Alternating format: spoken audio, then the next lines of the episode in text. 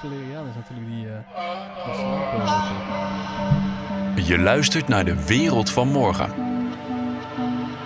De podcast over verandering en haar impact op de maatschappij. Hier zijn uw hosts, Lorenzo van Galen en Nick Kiran. Zo, Nick. Zo, Lorenzo. Ja, Lang geleden. zijn we weer. Zijn Ja. we weer. Gelukkig. Er is veel gebeurd Heel veel gebeurd, in ja. de wereld, bij ons. Ja, Maar weinig gepodcast. weinige podcast, ja. Terwijl we wel vorige keer de afspraak hadden gemaakt om meer te gaan doen. Ja, ik, denk, ik kan daar ook wel een verklaring voor geven. Eh, in ieder geval namens mezelf. Ja. Eh, ik, ja, ik heb gewoon een avondstudie. Ik heb weinig tijd. Ja, Jij ja. hebt het druk. Eh, dat is geen excuus, maar het is wel de realiteit. De laatste drie maanden waren heel erg druk voor ons, ja. Maar we zijn weer terug. Ja, en ik ga ook niet meer de belofte maken van we gaan nu echt weer opnemen, want dat doen we iedere week volgens mij. Maar we, ik denk dat wat we vandaag bijvoorbeeld, we gaan een gesprek voeren over quantum computing. Iemand die onze podcast heeft luisterd en heeft eh, ge- een bericht heeft gestuurd met hey, ik wil graag een keer met jullie een podcast opnemen. Ja. Ik wil gewoon een gesprek hebben over mijn vakgebied. Ik ben PhD-kandidaat op het gebied van quantum internet. indrukwekkende lijst aan, eh, aan eh, dingen die hij heeft gedaan. En dat is precies waarom wij ooit deze podcast zijn begonnen. Exact. Interessante gesprekken, eh, filosofische gesprekken over wat technologie doet met de wereld van morgen. Maar, Maar, hoe is het met jou? ja, bij mij is het ook goed. Ehm, ja, voordat we de kwantumwereld induiken, ehm, ook druk gehad. En ehm, eh, bezig met leuke dingen, maar eh, we zijn ook bezig met, eh, met weer nieuwe dingen voor de podcast natuurlijk. Dat blijft gewoon doorgaan. Maar ja, zoals je, als je zit te luisteren, wij doen het allemaal in onze avonturen. En soms zijn die ook vol geweest de afgelopen tijd. Afhankelijk van jouw agenda wil ik het eind dit jaar, eigenlijk nog voor de kerst, hebben over smart home. Mijn favoriete Ja. onderwerp. Eh, we gaan het hebben onder andere over Ring. Ja. Eh, er Over smart gesproken nog even. Ik zat dus eh, Ja. van de week iets te kijken en dat was een smart gevangenis Oh. in eh, Finland. Daar moeten we ook echt iets over doen. Gewoon nu, nu is je er even op komt. Dat is een smart gevangenis. Een andere manier van gevangenschap. Interessant. Letterlijk noemen ze het zo. En dat is wel, wel, wel grappig. Ja, moeten we, moeten we doen. Maar goed, daar kom ik ineens op. Ja. Ja, we moeten het ook hebben weer. Wij doen ieder jaar een soort voorspellingen podcast. ja. Ik denk dat we daar dit jaar mee kunnen stoppen, want die komen toch nooit uit. Nou, er is ook weinig gebeurd dit jaar. Dus wat we hebben voorspeld vorig jaar, dat is... Ja, eh, er was, een, er was één onderwerp wat, was één onderwerp wat een beetje wild nieuws Ja. kwam dit jaar. Hè? We veranderen die, die titel naar 2021. Eh 2020 Ja, verge- zijn ook vergeten we gewoon. We re-uploaden hem gewoon. Ja. Nee, eh, smart home komt eraan. Eh, nu vandaag hebben we het natuurlijk over quantum computing. Eh, jij had nog iemand waarmee we willen spreken. We hebben een, een interviewverzoek gekregen vanuit een grote technologie consultancy club. Interessant. Geen idee hoe dat gaat lopen, maar we hebben gezegd graag. Eh, Kortom. kortom, dus Eh, dat zit genoeg in het verschiet. ja. Bob eh, hebben we binnenkort als het goed is weer in deze podcast. Zeker, die heeft een Ik boek weet, niet of, geschreven. ik weet niet, ja, die heeft een nieuw boek geschreven. Ik weet niet of hij luistert, maar eh, nou ja, goed, tot snel, Bob. Tot snel, ja. Ja, Ja. ja, interessant. hey, maar eh, laten we gewoon induiken. Laten Ja. we naar het onderwerp van vandaag gaan. Precies. Quantum computing. Oh nee, quantum internet. Ja, we staan hier met Kian van de Ende. Welkom. Leuk dat je er bent. Dankjewel. Ja, eh wil je zelf eens voorstellen. Wie ben je en wat doe je? Ja, ik ben eh, een eh, PhD-kandidaat in eh, de groep van Ronald Hansson bij het instituut QTech. Het eh, is verbonden aan de TU Delft. En wij doen eh, onderzoek naar quantumtechnologieën Kijk. in, in één woord. Ja, en ik, eh, ik heb jouw cv hier voor me staan. want Ik vind dat wel leuk om, eh, om je voor te stellen. Het is best een lang cv eigenlijk. Want ik denk niet dat je heel veel ouder bent dan dat wij zijn. Ik schat je zo rond de jaar of 30. heb ik dat ongeveer gelijk? Ja, ik, ben, eh, ik ben 27. Oké, nou goed. Dan, eh, Ja, nou, dan eh, ben je inderdaad In- letterlijk dezelfde leeftijd als ik. Ehm, ik lees even een paar dingen op. Eh, je hebt eh, gewerkt bij het TU Delft Helios 3D-team Mhm. als engineer. En daar heb je een modulair 3D LED-display gemaakt van 2,40 meter, 2,40 meter bij 80. Met 9 kubussen, met 4608 RGB-LED's. Gepowered door Raspberry Pi's met een 20.000 dollar budget. En daarmee heb je de Global Student SSL Contest gewonnen in Guangzhou, China. Ja, Nou, dat, eh, daar gaan we het zo misschien nog over hebben. Daarna ben je. Chief Electronics geworden bij Vox. Om voor het Prinses Maxima Center voor Pedi- Pediatric Oncology, het kinderkankerziekenhuis, denk Ja, ik, als ik dat even vrij vertaal. Ja. Eh, om eh, een interactive handheld device for children residing in, in, in dat ziekenhuis to record and share sounds with other patients. Je hebt een telefoon. bijna. Oh, ja, bijna. Nee, maar, dan, maar, maar- maar zonder dat je kan bellen. ja, precies. Toen bij QTech inderdaad heb je thesis gedaan. Ja. 9 van de 10. Ze- top 7% bachelorstudenten. Ja, precies. Eh, nou ja, studie eh, program committee member. Eh, toen ben je self-employed smartphone repair gaan doen. Een private tutor. Ja. Dat, is, dat zijn, dingen. Maar nu, komt, wordt het, nu wordt het helemaal leuk. Je was Chief Powertrain bij Delft Hyperloop. Dat is nog eens een titel. Dus eh, We hebben wel, de Chiefs aangenomen in plaats van de... Delft Hyperloop, voor wie het niet weet, dat is de partij die de, op de eh, wedstrijd gewonnen had van Elon Musk. Correct? Was je daar ook bij? Jazeker, ja, absoluut. Ja. Toen werd je Research Assistant bij QTech. Ja. Eh, Research Interim Quantum Architecture bij Microsoft voor vier maanden in Redmond in Washington. Ja. En nu PhD-kandidaat inderdaad voor een jaar, ook weer bij QTech. Correct. Ja, als je opnoemt is de hele lijst, hè? Dat is echt een hele lijst. Laten we eerlijk wezen. Ja. Ik bedoel, eh, er zijn mensen op de 27 die niet zo'n lijst hebben. Niet stilgezeten. Zijn we iets vergeten? Want eh, het is een hele lijst. Maar eh, heb je zoiets van, nee, deze klopt wel? Of zijn we, zijn we nog iets vergeten wat er niet tussen staat? Nee, ja goed, ik heb het natuurlijk zelf, eh, zelf inderdaad mooi ingevuld. Nee, de, ik denk dat redelijk klopt. Ik heb tenminste de, de belangrijkste dingen van de afgelopen jaren zijn inderdaad wat mij betreft eh, de Delft Hyperloop geweest. Ehm, en eigenlijk daarna ook mijn, eh, mijn thesis dan bij QTech, van de, de master thesis dan op het einde en dat doorgerold inderdaad nu als een PhD eh, met een uitstapje naar Microsoft tussendoor. Dus dat eh, vind ik wel zelf de leukste, de leukste dingen van de afgelopen jaren. Mag ik dan inzoomen op smartphone repair? Nee, nee, grapje. nee, grapje. Nee, over Delft Hyperloop. Hoe, hoe, hoe was die wedstrijd met Elon Musk? Heb je hem ook ontmoet? Ja, wij, eh, hij kwam zeker langs. We hebben eigenlijk twee keer hebben hem eh, gezien. Want hij was, eh, die wedstrijd was in tweeën gesplit. We hadden eerst na een paar maanden dat we daarin hadden meegedaan, dus ingeschreven. was er een design competitie. Dus dat was echt, oké, maak een ontwerp puur op papier. En dat hadden we, we iets van 500 pagina document geschreven met z'n twaalfen, zeg maar. Helemaal uitgelegd hoe wij denken dat de Hyperloop eruit moet zien. Ehm, toen zijn we op die competitie tweede geworden. En daar was Elon inderdaad als appearance, een beetje surprise appearance. Iedereen natuurlijk helemaal gevloerd op dat moment. Wie, wie was eerste dan geworden? Want ik dacht dat eh, Delft de eerste Ja, was dus dit was echt alleen de design Oh, dat was het, ja, precies. ja, precies. dat was En, alleen eh, dat document. Absoluut, ja. ja. MIT was daar de, had daar de eerste plek eh, veroverd op dat, op dat gebied. Maar dat gaf ons toen meteen het ticket eigenlijk naar dat einde. Dus naar de grote competitie, waarin we ook echt een fysiek nou ja, Hyperloop pod hebben gebouwd. En dat hebben geraced tegen uiteindelijk drie andere, of sorry, twee andere teams. MIT en Duitsland, München, eh, München was dat. En daar waren we de beste van. Dus die eh, hebben we uiteindelijk wel eh, te pakken gehad. En eh, inderdaad speech gehad van nou ja, de mayor van Los Angeles. Want dat was dan bij het hoofdkantoor van SpaceX in Hawthorne. En Elon ook, die kwam even, even kijken van nou, wat kunnen die Nederlanders allemaal? Ja, heel vet. Dat is echt, dat is, lijkt me een hele mooie ervaring. Waarom, Ja. ben, je, waarom ben je daar uiteindelijk ja, uitgegaan of mee gestopt? Of daar niet in verder gegaan? Ja, nou ik, het is wel grappig, want eh, ik, ik ben eh, samen dus met eh, een aantal andere co-founders het team begonnen, zeg maar, na een één jaar van mijn master, een tweejarige master. En ja, dus zat ik ook echt zo halverwege, weet je wel. En dan, ehm, ik wist wel dat ik, net zoals bij een bachelor thesis, in de hoek van quantum computing en dergelijke, ehm, wilde ik daarin eigenlijk ook heel graag doorgaan.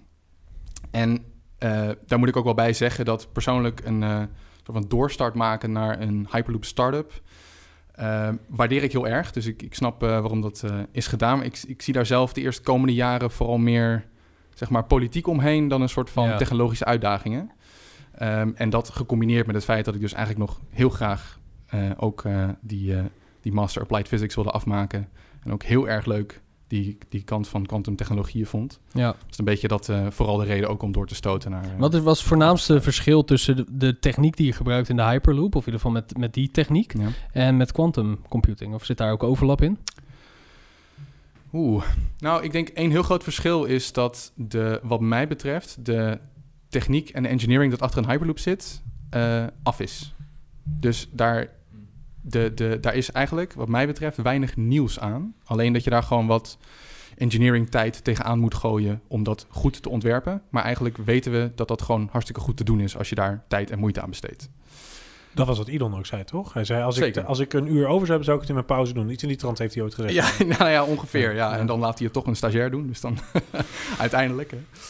Ehm, nee, inderdaad. En dat is ook zo. Dus eh, ik, en daar zit natuurlijk een hele leuke engineering uitdaging. Maar daar is het, het onderzoek naar het, het diepe gedeelte van hoe dat nou zou werken uiteindelijk, dat is al Mhm. af. En dat is bij kwantumtechnologieën zeker niet zo. Wat ik hoor en wat je zegt, is dat je op zoek bent naar onontgonnen gebied. Dus je wil iets ontdekken, je wil iets vinden. Mooi Eh, gezegd, ja. Ik denk dat we wel iets te diep al gaan. Hè? Want wat is nou quantum computing? Ik kan me voorstellen dat het een begrip is. Nou, in ieder geval die onze luisteraars van deze podcast, die weten wel ongeveer wat het is.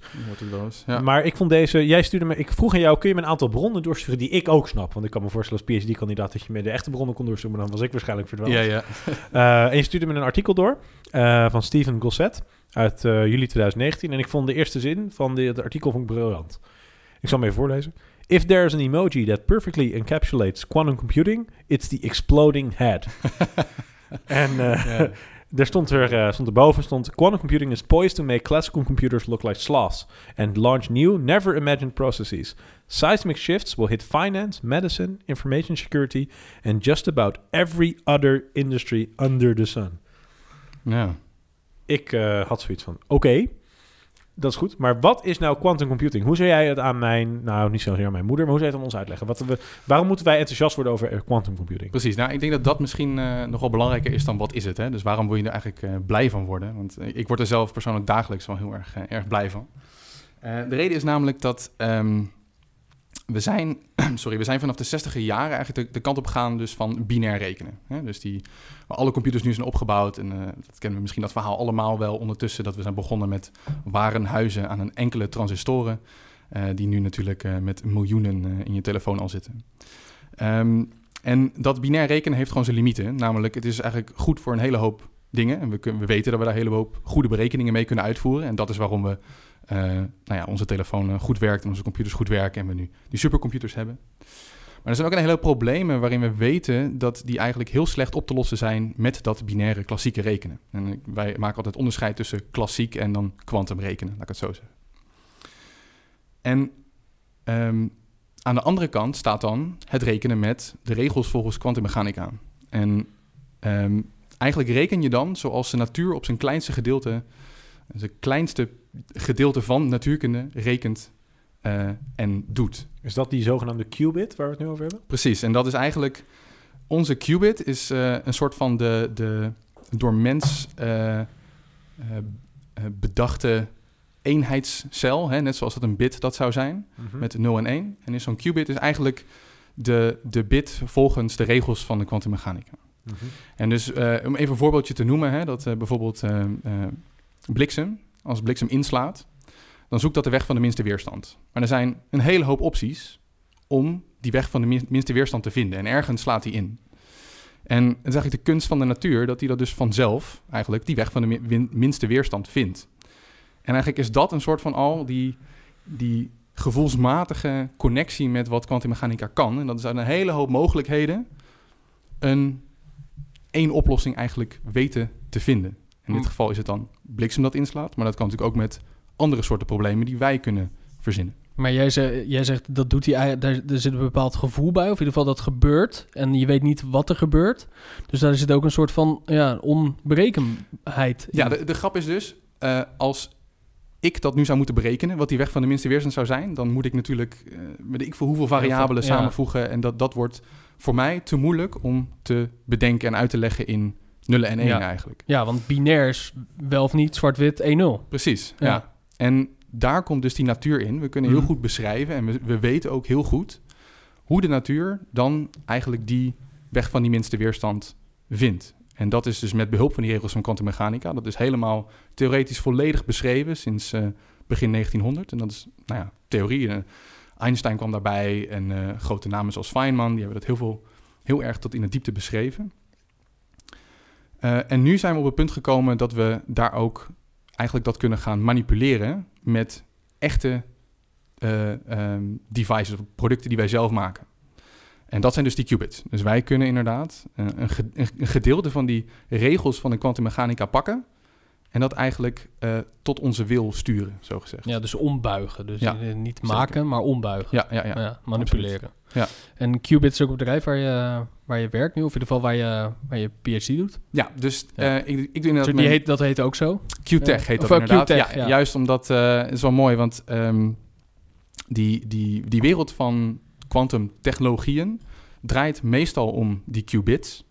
Maar eigenlijk kan je daar net zoals met de huidige klassieke computers een aantal eh, onderwerpen in eh, on- onder, onderscharen.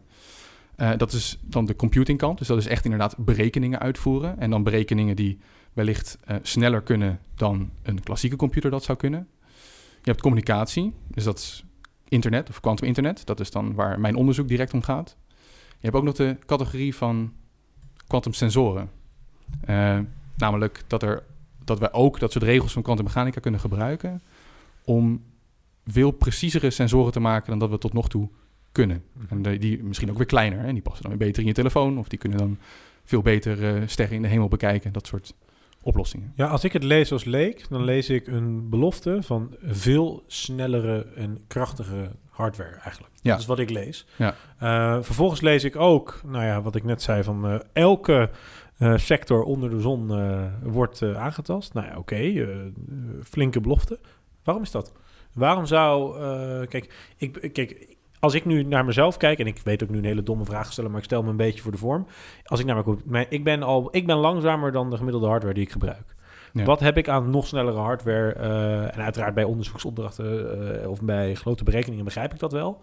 Of bij encryptie. Maar wat heb ik daar als bedrijf aan? Wat, ik, ben, ik, ik, ik ben bijvoorbeeld de gemeente. Wat, wat kan ik daarmee?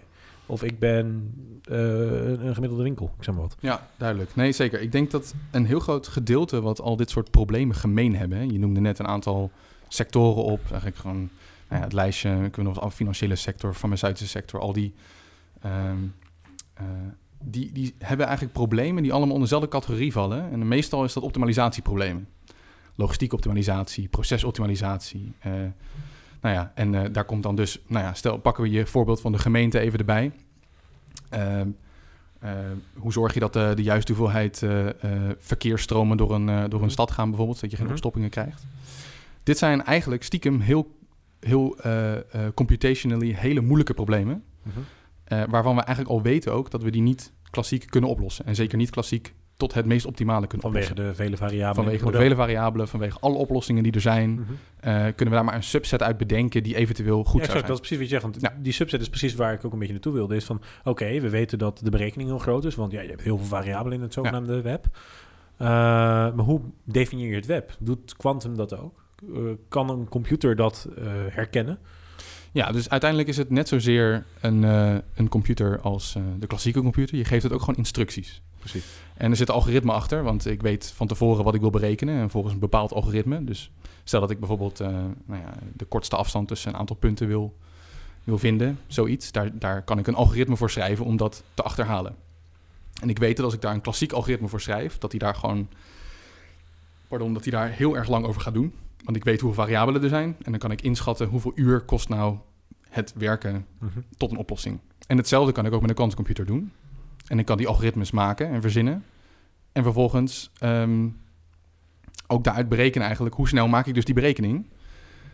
En die is dan vele malen sneller. Dus omdat je andere eigenschappen gebruikt en waarvan we van tevoren al weten, als ik die zo ga implementeren, dan ben ik veel sneller in het, in het vinden van een uitkomst. Dus dan zou je kunnen denken aan use cases bijvoorbeeld voor een gemeente. Dit is niet helemaal precies de gemeente, maar stel ze hebben, we hebben in Rotterdam hebben we de Brienoordbrug. Die Mhm. moet in onderhoud. Eh, als je daar inderdaad quantum sensors, of in ieder geval dat is een beetje de belofte van een IoT, dat je dan veel diepere berekeningen kan doen over de sensorwaardes die je dan opneemt. Want dat is, natuurlijk, eh, dat is natuurlijk waar ik zelf dan wel eens aan denk. Is van oké, we plaatsen overal sensoren. Die meten dan een redelijk inderdaad binaire maat. Dus bijvoorbeeld temperatuur. Uh, maar profielen herkennen in zo'n uh, in, in zo'n dataset, en dan vooral zo'n hele grote dataset van allerlei sensoren over een hele lange periode. Uh, dat las ik een beetje in de voorbereiding op deze podcast. Van daar zie ik, uh, dat, zijn, dat zijn berekeningen die we nog niet eens kunnen, kunnen vatten. Ja. En dan kom je heel snel, uh, als je dat dan opzoekt op AI, machine learning, quantum computing, kom je op dat soort termen uit. Hè? Ja, en, ja. en dan zoek ik wel een beetje in de populaire media natuurlijk. Maar ik kan me voorstellen dat dat dan een beetje de bustermen zijn waar, waar je tegenaan loopt in dit onderwerp. Ja, en dat is ook zeker correct. Dus uh, je, je, krijgt inderdaad die. Die, die, ja, het is, het is natuurlijk een beetje die kort door de bocht belofte. Zo van, hè, als jij een heel moeilijk probleem hebt, kan een quantumcomputer die beter oplossen dan een klassiek computer. Of veel meer daarvan. Ik denk dat dat dus deels ook zeker waar is. Maar het is ook zeker geen, uh, geen one, one-stop shop fix-all voor, voor alles. Omdat er dus gewoon een specifieke set aan problemen zijn die heel goed op te lossen zijn. Daarmee. En vooral om dus omdat je die oplossingsruimte, hè, van hoeveel problemen kan ik tegelijk bekijken, die groeit exponentieel en is dus heel gunstig voor een quantumcomputer om daarnaar te kijken. En dat is wel leuk dat je machine learning zei, want dat past daar dus ook bij. Dus het veld van quantum machine learning is ook heel erg uh, booming eigenlijk uh, als derivaat van machine learning, waarin um, uh, de eigenschap wordt gebruikt dat eigenlijk is machine learning niks anders dan ook een aantal berekeningen achter elkaar maken. Hè? Eh, en toevallig zijn dat die typische berekeningen die een quantumcomputer ook weer heel erg goed kan. Dus dat is wel weer grappig. Dat, eh, dat toevallig, eh, bijna een toevalligheid is dat, eh, dat die twee ook weer goed bij elkaar kunnen passen. Dus zeker het, bijvoorbeeld het trainen van grote datasets. ehm, dat kost gewoon heel veel processing time Ja. vaak voor supercomputers. Dat is ook iets zeker waar een quantumcomputer uiteindelijk eh, sneller in kan gaan zijn. Dus eigenlijk ook een hele logische stap, want wat jij zegt ook, Nick, we hebben eigenlijk nu inderdaad sensoren, datasets, maar dat is leuk. Dat, dat hebben we nu eh, gemaakt. Op dat punt zijn we. Alleen we kunnen die niet gaan combineren, ehm, eh, uit voorspellen, dat soort. eh, dat, dat kunnen we dan nog niet. Daar Ja. hebben we die keer 10.000 dui- eh, miljoen voor nodig met quantum. Orde ja, Ja, precies. absoluut, ja.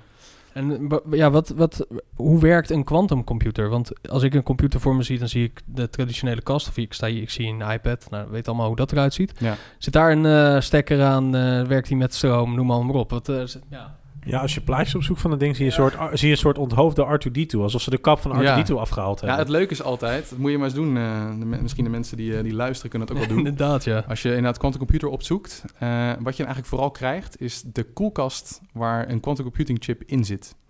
Hm. Ja, dat is heel grappig, maar dat, dat, zo'n koelkast ziet er redelijk indrukwekkend uit. Het is zeg maar eh, ook een, een ding van twee meter hoog of zo. Het lijkt een levend iets wat, wat zijn eigen, ja, iets, iets zelf aan het doen is. Waar wij, waar wij eigenlijk niet heel veel, we, we denken dat we het kunnen manipuleren. Ja. Maar misschien is hij wel zelf helemaal, helemaal Nou, eh, aan het ontwikkelen. Mooi is, ik zal je zeggen dat als je er niks aan doet, dan doet dat ding helemaal niks. Nee, nou, dat is wel fijn op zich, vind ik, als Ja, ik, als ik dat het zo zie. Ja. Geruststellende gedachte. Ja, ja.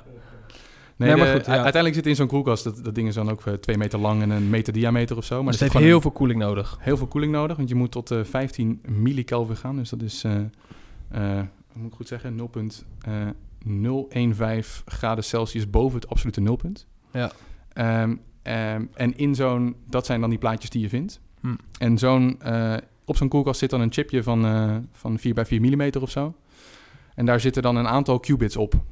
En in dit geval eh, met zo'n koelkast zijn dat vaak, eh, dat, dat noemen ze eh supergeleidende transmon qubits. Dat is een, een type, hè? net zoals dat je een transistor hebt, is dat gewoon een type. Je hebt een type transistor en nu heb je ook een type qubit. Ehm, en we zijn op het punt nu dat we daar een, een aantal op zo'n chipje van hebben. Nou, zou ik misschien heel kort uitleggen zeg maar, hoe zo'n qubit nou Ja, heel graag. een beetje werkt, Ja. inderdaad. Ja. Ehm, we hadden het heel e- in het begin even over die binaire 0 en 1.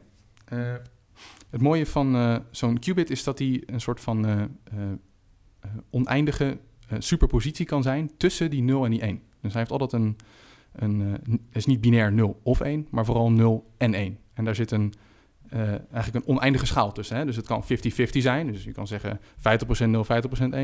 Maar het mag ook 99,999%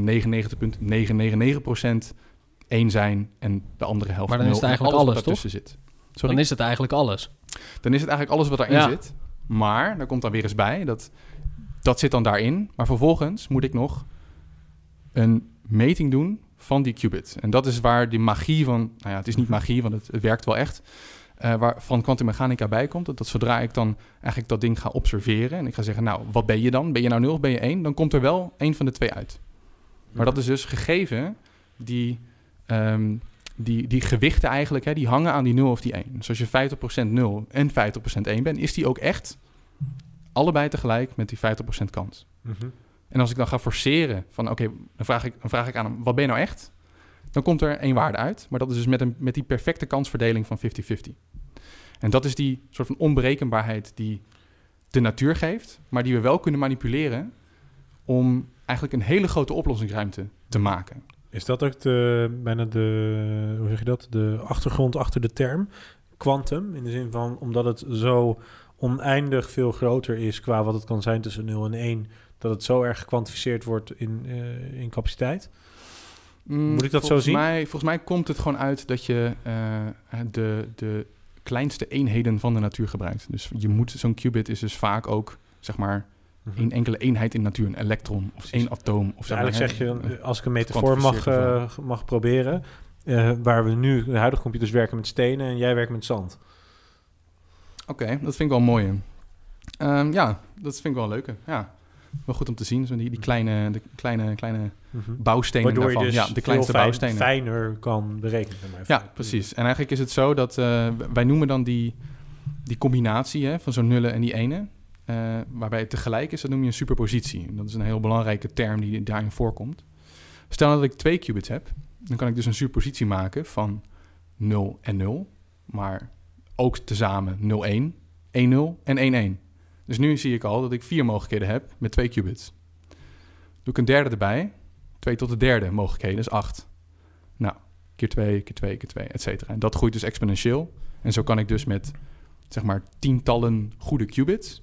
kan ik een oplossingsruimte hebben van, nou ja, 10 tot de twintigste, whatever. Hè. Dat zijn hele grote getallen.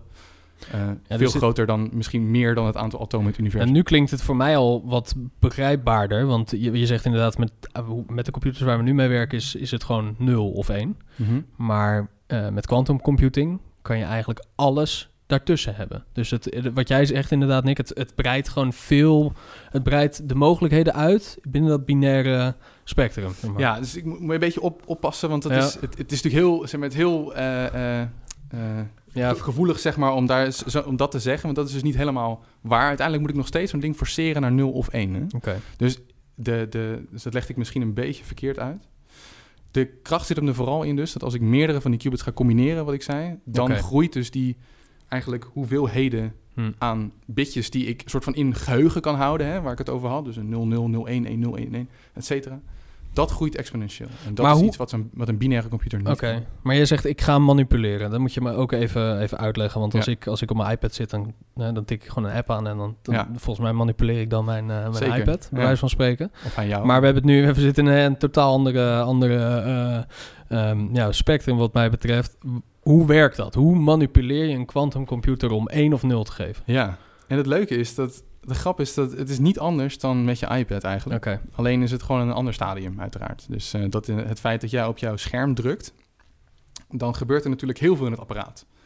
Namelijk, en er lopen allemaal stroompjes en die registreert dat er gedrukt is. En dat gaat zeg maar zo laagje na laagje naar beneden, totdat er een aantal transistors omgooi, om worden gegooid van nullen en eentjes. En die geven weer een respons terug, et cetera.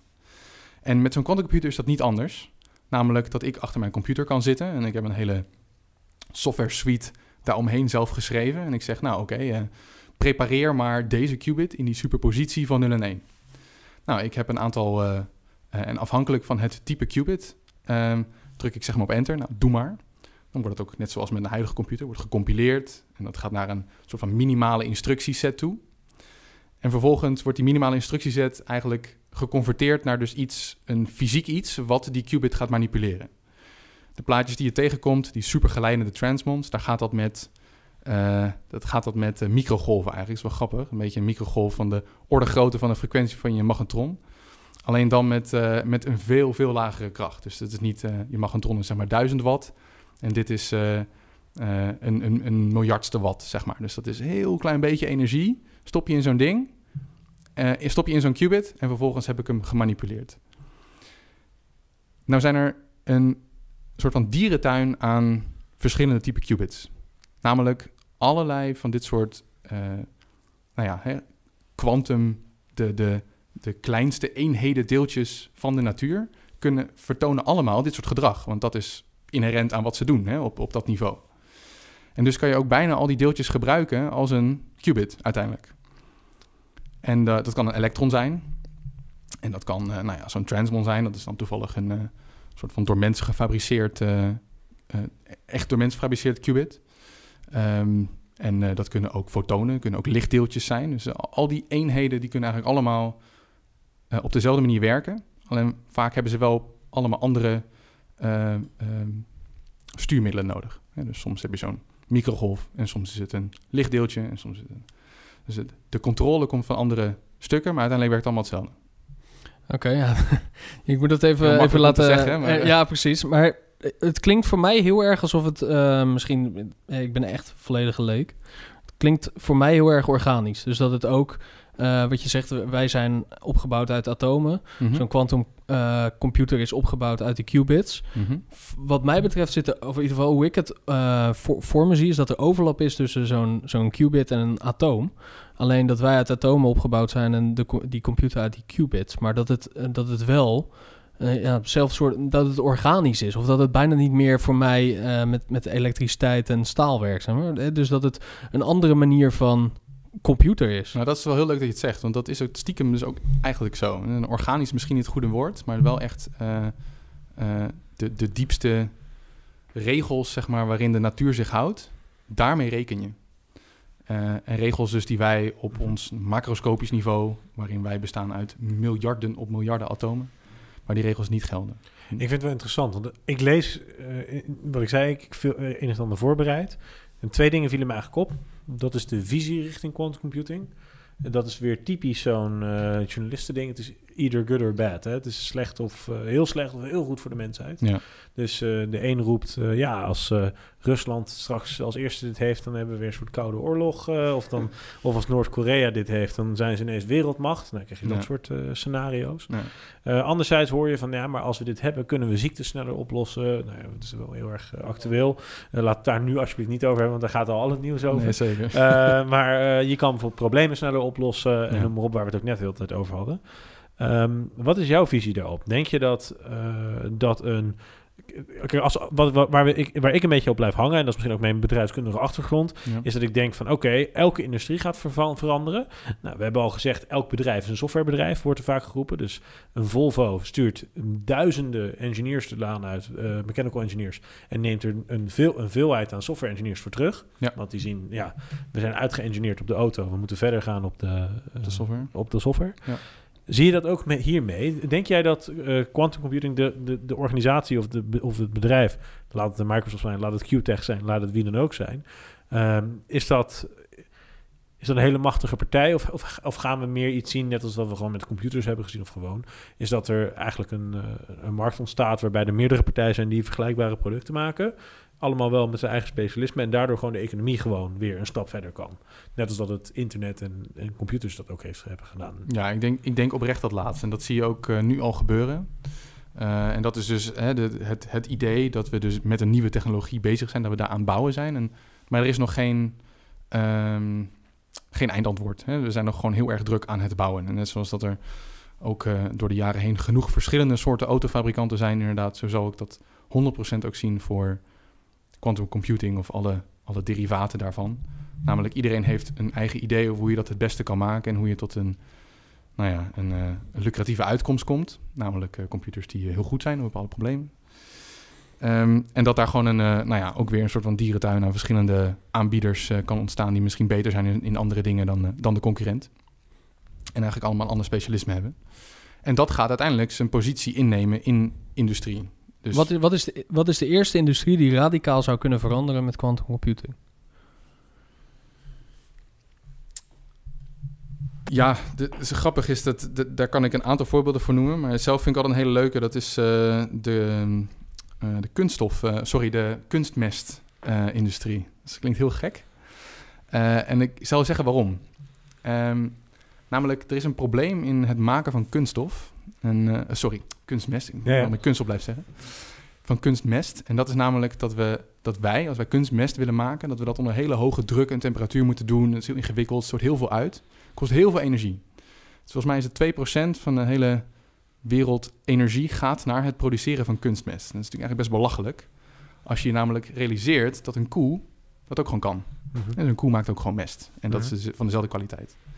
En die, die doet daar iets in zijn maag, in haar maag, en waarvan we niet weten hoe dat werkt, maar er komt mest uit. En dat is een probleem, dat, eh, dat is eh, eh, stikstoffixatie. Die hebben een bepaalde manier van stikstof inbrengen in materialen. We weten niet hoe dat moet en dat kunnen we alleen maar dus heel inefficiënt en onder hoge druk. Nou, we weten dat dit typisch een probleem is, namelijk van chemie. Hè? En dat noemen we dan ook quantum chemistry. Dus hoe kan ik met kwantummechanica dit soort chemieprocessen proberen te achterhalen en eigenlijk helemaal uit te denken van hoe, hoe werkt dat nou echt? En hoe kan ik dat dan vervormen tot een proces dat wij mensen ook kunnen maken?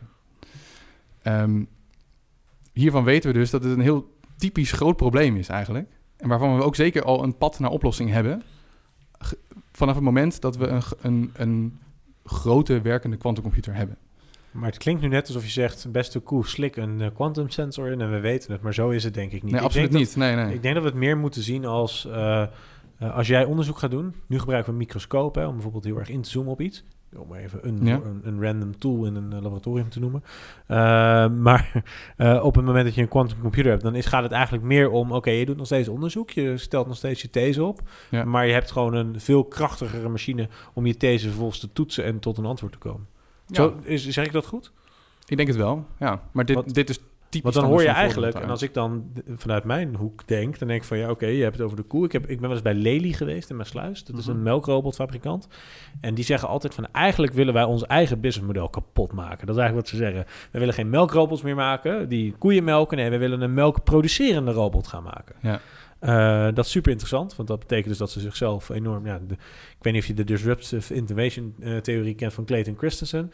Ja. Eh, dat betekent dus, de, de disruptor is zelf ook de incubant. Dus die, die gaat vaak ook ten onder. Precies, Dus dat is best wel een gewaagde uitspraak van zo'n organisatie met nou, gewoon aandeelhouders, stakeholders, noem maar op. Ja, ja, ja. dus dat, als je daarover na gaat denken, is dat best spannend, zeg maar, voor zo'n organisatie, om het even plat te zeggen. Eh, en ik denk dat als je kijkt naar zo'n organisatie en als je kijkt naar de, de impact die dat dan kan hebben, ja, als jij een, een, inderdaad een machine hebt waar je bij wijze van spreken gras in gooit en water, want dat is wat in, in een koe ook ingaat, zeg maar, en je krijgt inderdaad kunstmest en melk uit, ja. Dan is dat best interessant. Dan heb je nou ja, niet alleen een heel groot eh, duurzaamheidsprobleem opgelost wellicht, Ja. maar je hebt ook ineens de melkprijs heel erg beïnvloed. En als je dan naar industrieën kijkt, eh, wat een van de interessante cases die in de laatste jaren die ik vind, is dat eh, vroeger was de aandeelwaarde van een Starbucks werd sterk beïnvloed door de koffieoogst. Ja. Want als de koffieoogst mislukte, was de koffie duurder, had Starbucks minder marge. Want in principe is dat redelijk ingebed in de, in de maatschappij in heel veel plekken. Ze zijn redelijk stabiel in bedrijfsresultaat. Maar op het moment dat de koffieoogst tegenvalt, gaat, staat hun marge onder druk. Ja. Alleen de koffieoogst is op een gegeven moment, we zijn steeds meer koffie met melk gaan drinken. Waardoor de koffieoogst eigenlijk veel minder effect had dan de melkprijs. Grappig. Ja. Eh, waardoor eh, er veel meer druk is gekomen op melkboeren. Dat zie je dus nu ook in Nederland, waar nog een protectionisme systeem in plaats is. Een van de weinige industrieën waar nog een minimumprijs voor is. Dat is Ja. best wel interessant eigenlijk. Ja, ja. Bijna voor de rest is allemaal de vrije markt. Nou ja, goed, hoe vrij is vrij. Ehm, maar de, de, wat vind ik wel heel interessant met melk... is dat eigenlijk als je inderdaad zo'n probleem kan oplossen... dan ben je eigenlijk ook in een... Ja, met melk is natuurlijk gewoon een bestanddeel... wat in heel veel producten zit. Ik noem nu Starbucks als een voorbeeld... maar dat kunnen natuurlijk tot tientallen andere producten zijn. Ja. Bijna iedereen Precies. ontbijt met yoghurt eh, in de westerse wereld, zeg maar. Ja. Ja, nee, ik, maar ik, ik denk ook oprecht dat, eh, dat, dat zeg maar... Hè, dat is wel grappig dat, inderdaad, dat je die vergelijking trekt, want die heb ik nog niet zo eerder gezien. Of tenminste niet, niet zo eerder gehoord. Maar ik denk dat het een hele natuurlijke progressie is zeg maar, van zo'n technologie... dat heel veel gekke problemen oplost. En het, het heel veel, dat zo'n cascade heeft inderdaad eh Ja. diep in de maatschappij. Ik wil nog heel even de filosofische kant op. Graag. Eh, Kian, een computer is man-made, toch? Ja. Ja, maar als ik naar quantum computing kijk, dan dat, dat, dat heeft heel veel overlap met de na- natuurkunde, Ja. die, eh, wat jij al zei, door wetenschappers begin, eh, begin eh, vorige eeuw opgeschreven is, zonder dat de man-made computer er überhaupt was. Hoe kan het Zeker. dat er overlap in die techniek zit met onze natuurkunde? We kijken overlap van de... V- van hoe het werkt. Dus ook met, die, met de kleinste deeltjes. Hoe, Ja. daar zit, daar, of zit daar een overlap überhaupt in? Dus dat daar, dat daar, eh, ehm, ja, dat daar verschillende overeenkomsten in zitten. In quantum computing, dus met de kleinste deeltjes en met de natuurkunde. Want daar komt het uiteindelijk. Ja, absoluut. Nou ja, het is dus één en hetzelfde. En dat is het mooie. Dus het, Maar hoe kan dat?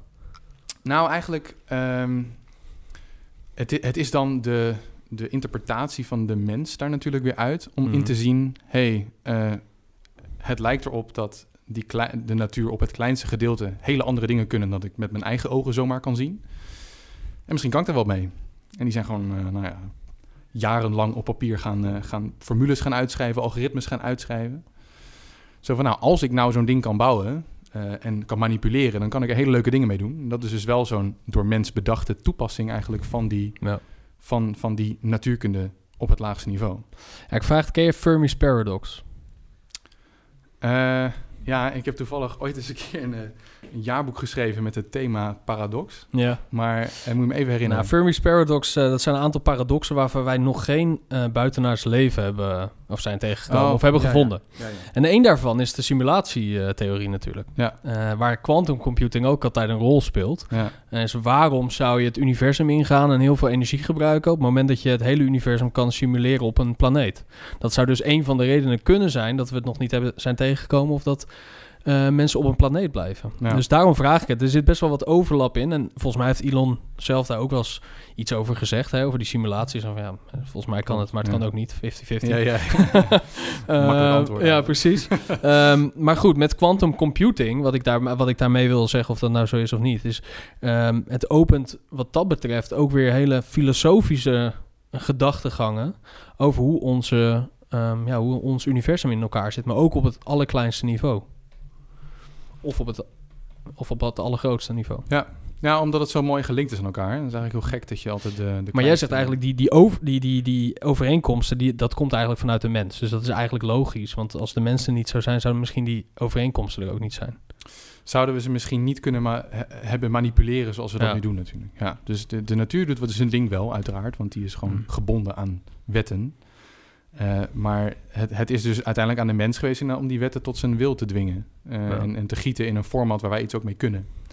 Dat is wat we nu aan het doen zijn. En ik denk ook... Ja, er, er komt heel veel filosofie rondom inderdaad. Ja, eh, Want eh, het is, wat dat betreft ook weer over die ongegronde grond. eh, dat is het wel heel erg. Want eh, je, ja, je, bent, je bent gewoon aan het pionieren natuurlijk. Want er zijn heel veel dingen nog niet gedaan. En Zeker, je komt, op, je dagelijks, komt achter ja. dingen. Alleen, wat ik ook me afvraag, zijn er ook gevaren aan quantum computing? Want we hebben, nou, om Elon weer als voorbeeld te nemen, even makkelijk. Die is natuurlijk ook eh, sceptisch over AI, eh, Ja. eh, machine learning, deep learning, et cetera, et cetera. Wordt steeds actueler. Hè, zijn we straks met een nog snellere computer, dus die misschien een miljoen keer sneller is dan de beste computers die we nu hebben, ja, die, die kunnen we straks toch helemaal niet meer bijhouden. Zijn er gevaren aan? Zijn er, wordt er onderzoek naar gedaan? Ja, dat is wel grappig inderdaad. eh, dat, we, dat we straks, die- dat die gasten, dat zeg maar, ja, die gasten, zeg maar, dat die, dat die, dat die computer dusdanig ver is dat dat niet meer tegen te houden is. Dus dat het een eigen leven begint te leiden. Zeker als je plaatje opzoekt, dan ziet het er best wel scary Ja, ja, uit. Hij loopt bijna weg. Ja. Wordt er onderzoek naar gedaan? Ja, nou, ik denk dat... eh, kijk, de, de, net net zoals met... Ik, ik probeer altijd die vergelijking te trekken eigenlijk met elke emerging technology die er komt. Heeft het gewoon zijn voor- en nadelen. En zijn bijna elke technologie valt te misbruiken. eh, wat het dan ook is. En het is natuurlijk altijd aan de gebruiker geweest om daar eventueel stops in te zetten of een, of een, eh, nou ja, een soort van moreel eh, puntje aan te hangen. Om, om Elon, niet Elon erbij te halen, maar Einstein. Met Ja. het splitsen van de atoom en de atoombom. Ja. Is natuurlijk hetzelfde wat hij, wat hij heeft gedaan. Hij is naar Amerika gevlucht. Eh, om niet de Duitsers eh, de, de atoomtechniek eh, in handen te geven. Ja, Eh, maar goed, is, dat, is, dat, is de vergelijking te trekken? Misschien eh Ja, ja, maar, onder- maar, maar ondertussen kunnen we ook eh, ehm, tumoren bestralen. Hè? Dus het is, eh, dat vind ik altijd mooi aan dat soort technieken, dat je gewoon heel erg goed ziet dat het gewoon hele twee, de keer, sorry, de twee zijden van zo'n munt heel erg naar voren komen. Mhm. Maar dat geldt eigenlijk bij elk product. Als Ja. jij een eh, mes uit de la pakt in je keuken, heb je hetzelfde, kun je hetzelfde verhaal over, eh, over, over spreken wat dat Ja. betreft. Ehm, waar ik het eigenlijk nog veel over wil hebben, even, daarna wil ik ook nog even over Q-Tech hebben, want daar hebben we het nog niet over gehad. Ja, Ehm, dat, is, eh, dat lijkt me ook nog wel relevant. Maar waar ik het eigenlijk ook nog over wilde hebben, is wat ik zelf heel interessant vind, is als je, stel dat je antwoorden krijgt op existentiële vragen en de mensen waar we nooit antwoord op hebben kunnen vinden, om wat voor reden dan ook. Dus dan kom je vaak in de wat filosofischere vragen uit. ja. Ehm, dan ga je dus krijgen dat de fundamenten van onze samenleving ook onder spanning komen te staan. En dat is denk ik ook waar, waar dat artikel naartoe wilde gaan. Dus op het moment dat je aardverschuiving hebt in industrieën of in de huidige maatschappij, eh, eh, mondiaal gezien een redelijk kapitalistisch systeem. ja. Ehm, wat als ineens alle kennis er is? Als we ineens heel goedkoop melk kunnen produceren, waar we het net over hadden, want we Ja. hebben dat opgelost. We kunnen eh, alle, alles kunnen we commoditiseren, hè? dus alles kunnen we in een soort commodity eh, vangen. Wat eigenlijk dat het hele model waarbij we nu resources eh, gebruiken en dat omzetten in iets waardevols en daar hebben we dan toegevoegde waarde over, en dat is ons economisch systeem, verdwijnt. En dan heb je het ineens over die, over die systeemverandering, denk ik. En als je, eh, ik zeg niet dat quantum computing daar het enige eh, onderwerpje van in is. Maar dat heeft wel te maken, en dan ga je dus inderdaad die filosofische discussie waar je het net over had. Op het moment dat je meer zaken kan oplossen dankzij technologie, je maakt dingen bereikbaarder, makkelijker, wat technologie zou moeten doen, denk ik. Dat betekent dat dus ook dat je eh, weer andere waarden in de economie kan gaan krijgen. Zoals melk ineens overal uit de muur kan komen dankzij Ja, ja. we, we cracked the code, zeg maar. ja, ja. Eh, hoeven we ineens geen eh, grote eh, chemische fabrieken meer ergens neer te zetten, bijvoorbeeld. ja, inderdaad. Wat, wat nou als die invloed van die quantumcomputer zo groot wordt hè, op de maatschappij? Wat, wat moeten we daarvan vinden? Ja, ik, ik denk dat, dat, je, dat je dat een beetje overschat. Die, hoe, hoe ehm, snel dat gaat. Dus ik denk dat dat gewoon een hele graduele verandering is. Dat gewoon over jaren plaats gaat vinden. Ehm, waarin er langzaam dingen gaan veranderen. Net zoals dat zeg maar, de wereld langzaam is gaan veranderen van het internet. Dat er niet ineens overal internet was en eh, vervolgens had, had iedereen eens wat anders te doen. Nou ja, de tijd tussen de industriële re- revolutie, de, de vinding van de microchip en waar we nu staan, die, die sprongen worden steeds kleiner. Ja, en nu komen we op het punt dat we weer dingen gaan doen die extreem veel moeilijker zijn dan we ooit hebben gedaan. En ik denk dat daarom de ontwikkeling die nu gaat plaatsvinden, we hebben heel veel ervaring die we mee hebben genomen, uit- uiteraard daarvan. Zeker in termen van nanofabricatie is in de wereld van quantum heel belangrijk, want het zijn hele kleine deeltjes.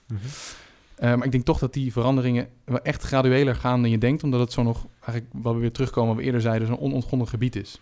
Dus er is heel veel nog dat we uit moeten vinden. En ook dus ook heel veel dingen waarvan we minder weten eh, hoe we dat tot ons wil kunnen gaan, gaan dwingen. Er zijn een hele hoop use cases al wel die we kunnen voorspellen. En ik denk, maar ik denk dat de uitwerking op, ehm, eh, op, op ja, die, die problemen en die, die, eh, die, die dingen die we uiteindelijk willen oplossen, nog een grotere shift zijn dan we tot nog toe hebben gezien met een computer met internet. Maar wel een hele geleidelijke, want het gaat er echt niet zomaar in één dag zijn. Dus ik, ik ben ook eh, mijn hele PhD bezig om een internet aan te leggen tussen Delft en Den Haag.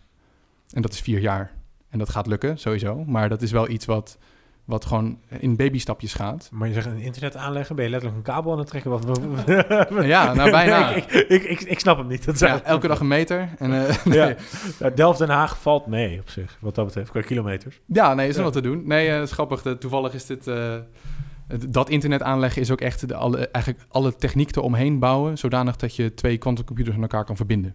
Dat is dan weer de, het vervolg hierop. Dat je een quantumcomputer hebt en dan Want in met eh, ander. Politiek Den Haag staat nog een eh, quantumcomputer, of niet? Nou, daar gaan we er eentje neerzetten. Ja, ja, echt? ja, ja. Oké. ja, ik heb er nu twee in het lab staan en dan eh, gaat er eentje naar de... Dat is dus die verbouwing van het Binnenhof waar we het Ja, nee. hebben. dat is budget, dat- nu snap ik het budget We mogen ook. het niet zeggen, maar eh, nee. Nee, maar in Den Haag, dit staat serieus iemand, eh, of er staat een, eh, een, een quantumcomputer in Den Haag. Ja, straks. Dus eh, nee, Ja. echt oprecht staat hij nu bij mij in het lab. Ja. eh, de tweede. Ja, Ehm, en eh, daar gaan we, eh, daar zijn we dus dan lokaal test mee aan het doen. Hè. Zo van, Ja. kan ik lokaal met die twee eh, praten? Ja. Dan kunnen die twee met elkaar praten. En vervolgens moeten we, doen we eigenlijk alsof we, we doen alsof die ander in Den Haag staat. Dus al die techniek wordt gebouwd alsof die ver weg staat. Mhm. En dan verschepen we hem eh, naar een gebouw van KPN. En we wat is het eh, doel tussen- te- van de verbinding dan, tussen die twee? Nou, grappig genoeg, alleen maar om te laten zien dat het kan. Dat je ze kan verbinden Ja, überhaupt. er zit natuurlijk wel meer bij, namelijk Ja. dan gaan we het ook gebruiken voor iets. Maar allereerst gewoon dat het kan. Er heeft nog nooit iemand laten zien dat we quantumcomputers op die afstand kunnen verbinden. Dat is een primeur als dat eh, lukt. Zeker, ja. Dat is, er is nog nergens in de wereld een quantumcomputer verbonden aan een andere. Helemaal correct. Ja, Ah, absoluut. Dat is, niet, niet op die afstand, nee. ja. Maar dat is over twee jaar dus. Want volgens mij ben je anderhalf jaar bezig met eh, je PhD. Is Ja, jaar, ja, een jaartje, zoiets, ja. Ja, dus ook drie jaar dan. Eh, dat, eh, of, of duurt een PhD op dit ge- gebied? eh, Nee, PhD duurt vier jaar. Ja, Dus, eh, ja, nee, ik weet het niet. Het nee, is, absoluut. ik probeer je niet onder de druk te zetten. nee, wij, hoor. Gaan, wij, wij streven ernaar om, om in 2021 eh, dat internet tussen Delft en Haag hebben aangelegd. Dus dat- daar kan je naar uitkijken. Mhm. En uiteraard is dan eh, nog meer de kunst natuurlijk om daarna er nog meer mee te doen. Dus eh, dat je een, Mhm. een verbinding hebt, is zeg maar stap 1. En dan ga je wat met die verbinding doen. Dat zijn de stappen in de, de jaren daarna. En dat is wat QTech dan doet, hè? Jouw, eh, nou, ik noem het je werkgever, maar het is ook een Ja. onderdeel van de TU Delft. Ja, het is ook je werkgever, dat begrijp ik Ja. Maar ik bedoel, het is vooral ook de TU Delft. Dus de TU Delft, het onderzoek in Nederland. Hoe, hoe, hoe hoog staat Nederland op die ladder? Hè? Je, je hebt natuurlijk al op wereld... eh, je hebt de wedstrijd ja. gewonnen met, eh, met Elon van de... ja, ja, precies. Je hebt, je, hebt, al- je hebt al Champions League gespeeld, eh, inderdaad. Ja. Nu- op, op Hyperloop. andere categorie. hoe hoog spelen we ook Champions League op deze categorie, naar jouw idee? Ja. Je bent ook in, bij, bij Microsoft natuurlijk al geweest. Ja, precies. Nou, het leuke is, er is ook een Microsoft-afdeling bij ons aan de TU Delft. Dus die, die werken nauw samen met een onderzoeksgroep daar.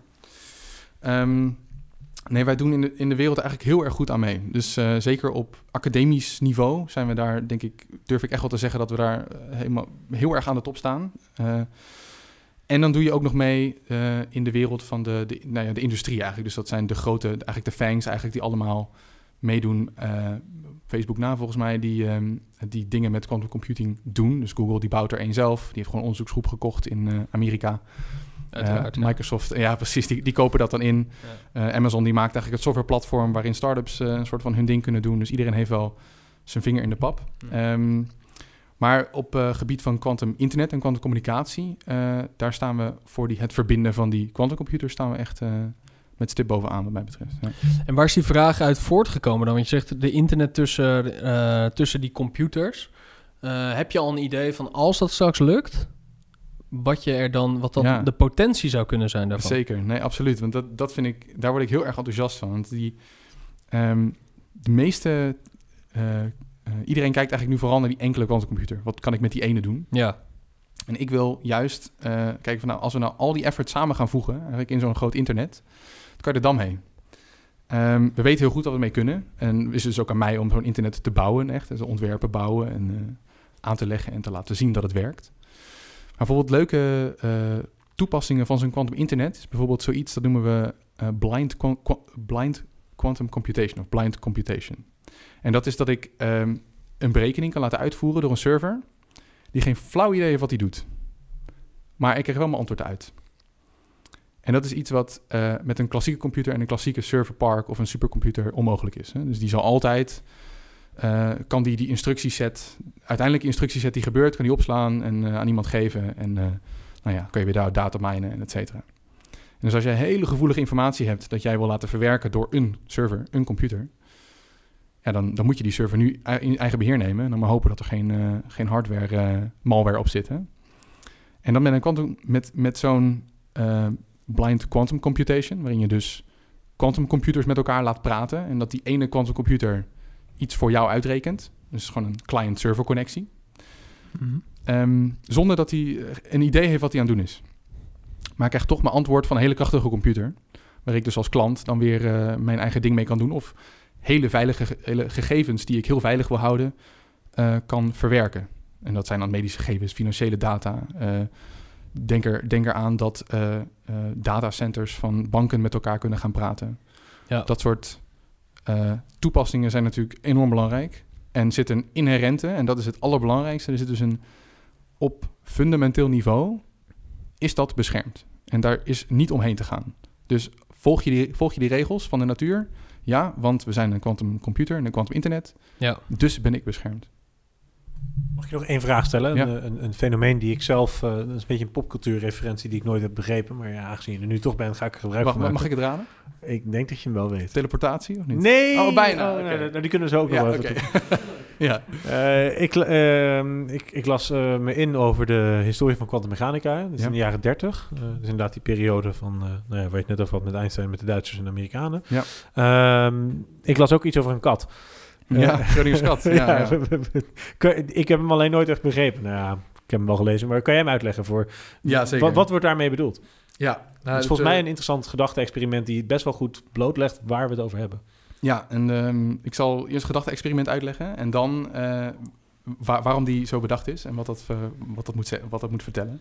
Gedachte-experiment is dat eh, je stopt een kat in een doos en daar doe je een, eh, eh, je hebt een, eh, een, een, eh, een gif, stop je daarbij, dat eh, los wordt gelaten in die doos, zodra er een, eh, een atoom vervalt. Hè. Dus je stopt een radioactief spulletje bij, als dat vervalt, en dat is een kwantummechanisch proces, dan komt dat gif vrij en dan zou die kat dood zijn. Het moment dat je die doos dan dicht doet en die kat zit daarin, nou, dan, dan weet jij niet of die kat levend of dood is. Want op elk moment, hè, tussen nu en oneindig, zou dat gif losgelaten kunnen worden. En op dat moment kan je dus zeggen, die kat is levend en dood. Hè. Dat is bijna een soort van filosofische gedachte van, Mhm. nou, dat, dat is die kat. Maar je weet Dat de kans weer die 50-50 is. Precies, Ja. ja. Op elk moment kan die leven of dood zijn. Precies met die 50% kans, laten we het zo zeggen. Het mooie is dus dat... eh, de- Schrödinger had, had dat gedachte-experiment bedacht... om aan te geven hoe idioot het is... om dit soort processen te proberen te beschrijven... met macroscopische dingen.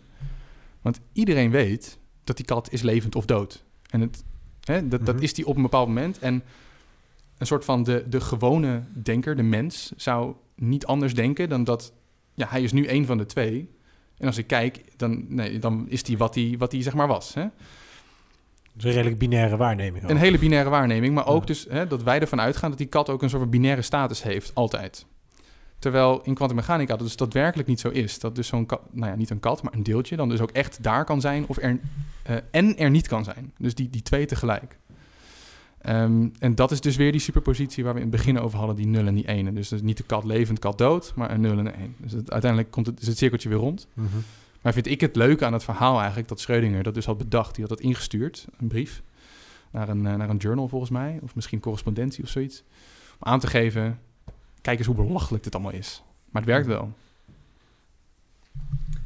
En nog even, eh, dat is mooi, maar je zei teleportatie, dat moet je ook even uitleggen. Want, Ja, eh, oh ja. vertel. Ja. Dat is ook een mooie. Nou, dat is altijd... eh, Jij was hier heel snel. ik, was, ik was er heel snel. Ja, ik hoefde mezelf alleen maar teleporteren. Ja, nee, we, we kunnen met... eh, eh, dat is eigenlijk de manier, dus dat, dat is genoemd, dus de groep waar, waar ik in werk, die hebben eh, een aantal jaren terug een teleportatie-experiment laten zien. Waarin je de informatie, of eigenlijk kwantuminformatie, zo'n quantum state of zo'n qubit uiteindelijk, kan teleporteren van de ene naar de andere plek. Het heeft te maken met het feit dat binnen kwantummechanica ik geen informatie kan kopiëren. Dat is een beetje gek. Dat heet een no-cloning theorem, kan je opzoeken. Maar dat betekent dus ook dat ik geen bijvoorbeeld versterker zou kunnen doen van mijn informatie. Dus eh, als ik iets eh, eh, over, als ik nu iets over een glasvezellijn zou versturen, dan wordt dat constant versterkt, dat signaal. Want het is klassieke informatie. Met, met qubits kan dat niet. Dus wat ik uiteindelijk moet doen, is ik moet zo'n qubit dus naar een andere plek zien te krijgen, want die is dan dezelfde op een andere plek. En die teleporteer ik daarheen. Dus dat heet dan ook, dat noemen wij teleportation. Dus omdat hij ook echt verdwijnt van de plek waar die was.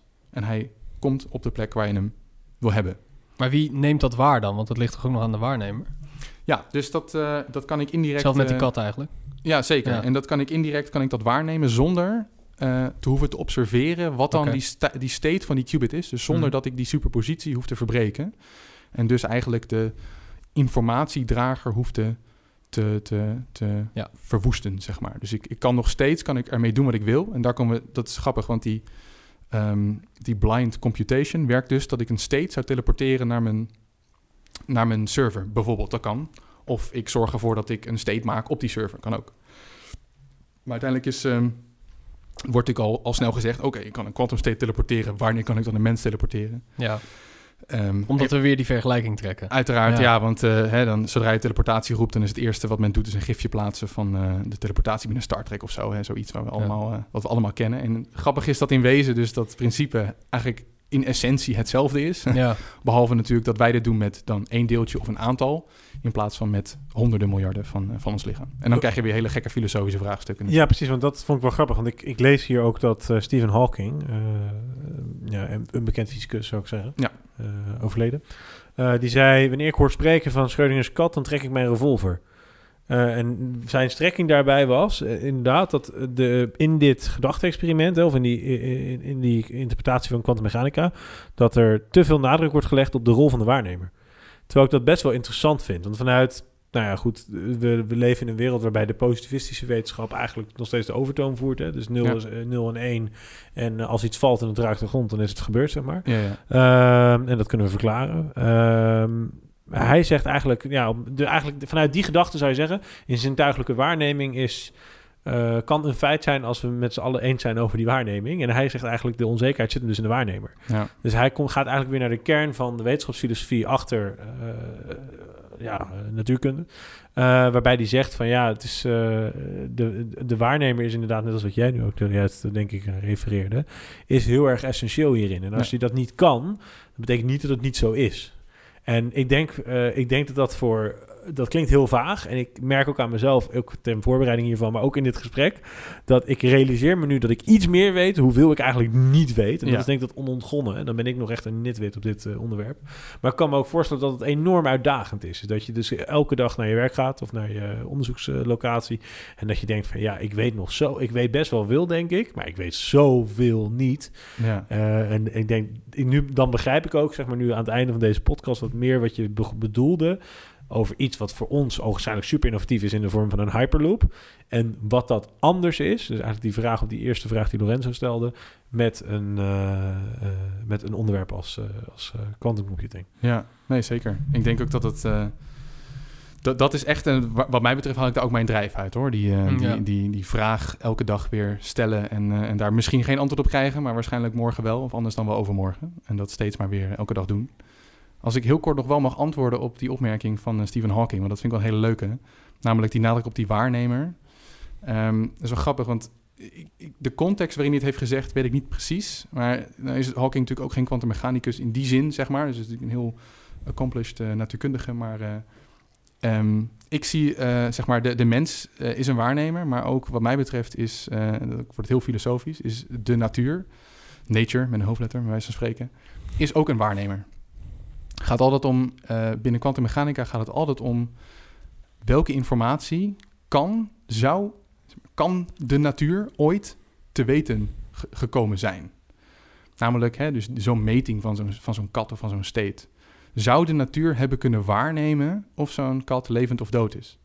Wellicht bijvoorbeeld doordat atomen om, eh, de, in de doos die om die kat zitten gaan trillen omdat zijn hartslag nog gaat of zo.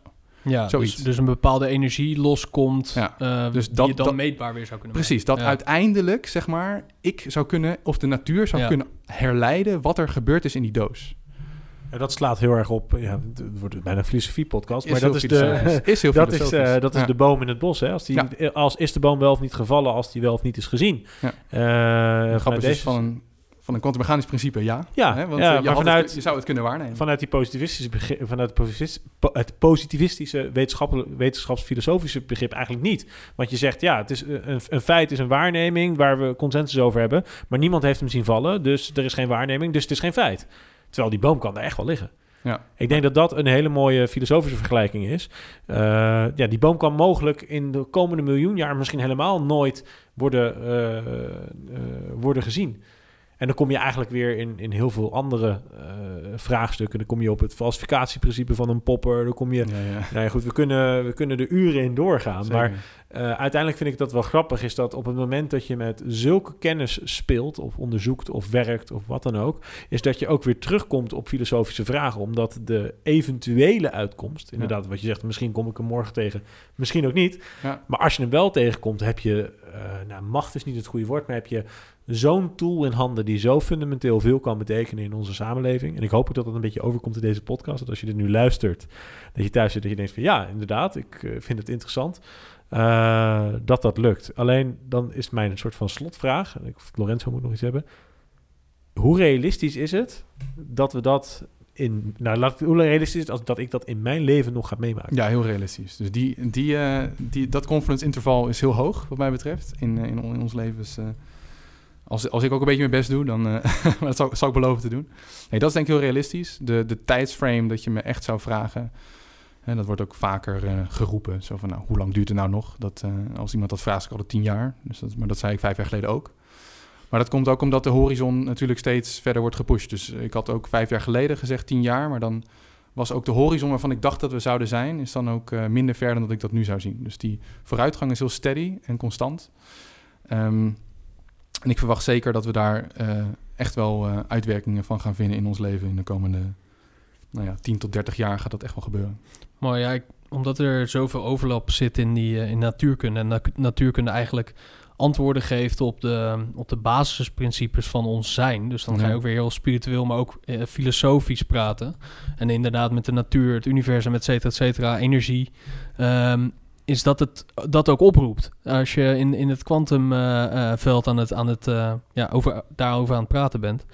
En ik denk dat het daardoor ook die vragen oproept. Van die, van die hele, ja, hele filosofische, overkoepelende vragen over wie wij zijn, waarom we zijn en wat we zijn. Ja. En dat zijn zulke brede vragen. Misschien kunnen we eens een keer oplossen als we, als we een goede verbinding hebben tussen Delft en Den Haag. precies, ja, dan zou ik een berichtje sturen. Ja, eh, precies. Nee, maar dat, eh, ik vind het echt heel vet. Ik vind natuurkunde ook, de relativiteitstheorie, et cetera, et cetera. Vind ik allemaal, ehm, een time dilation vind ik ook zo'n heel, fascinerend. ja. heel fascinerend concept. Ook over de waarnemen, et cetera. Dus dat, ehm, ja, het is wel heel cool dat er zoveel overlap zit in die natuurkunde en die techniek. Ja, absoluut. Nou, dankjewel uh, Kian voor, uh, voor je ja, bijdrage hieraan. Volgens Dankjewel. mij ja, ik ging we op het einde een beetje, een beetje Nee, maar filosofisch. ik vind het ook wel leuk, want mijn dagelijkse werk is heel niet filosofisch. Hè? Want je gebruikt heel veel van dit soort termen en, en, ideeën eigenlijk om dus iets fysieks te doen. Maar het is best wel mooi om er af en toe bij stil te staan. En gewoon even die bigger picture, around the bigger picture nog weer eens te pakken. En eh, te bedenken wat de implicaties heeft. Ja. En dankjewel voor de gesprek. Dankjewel.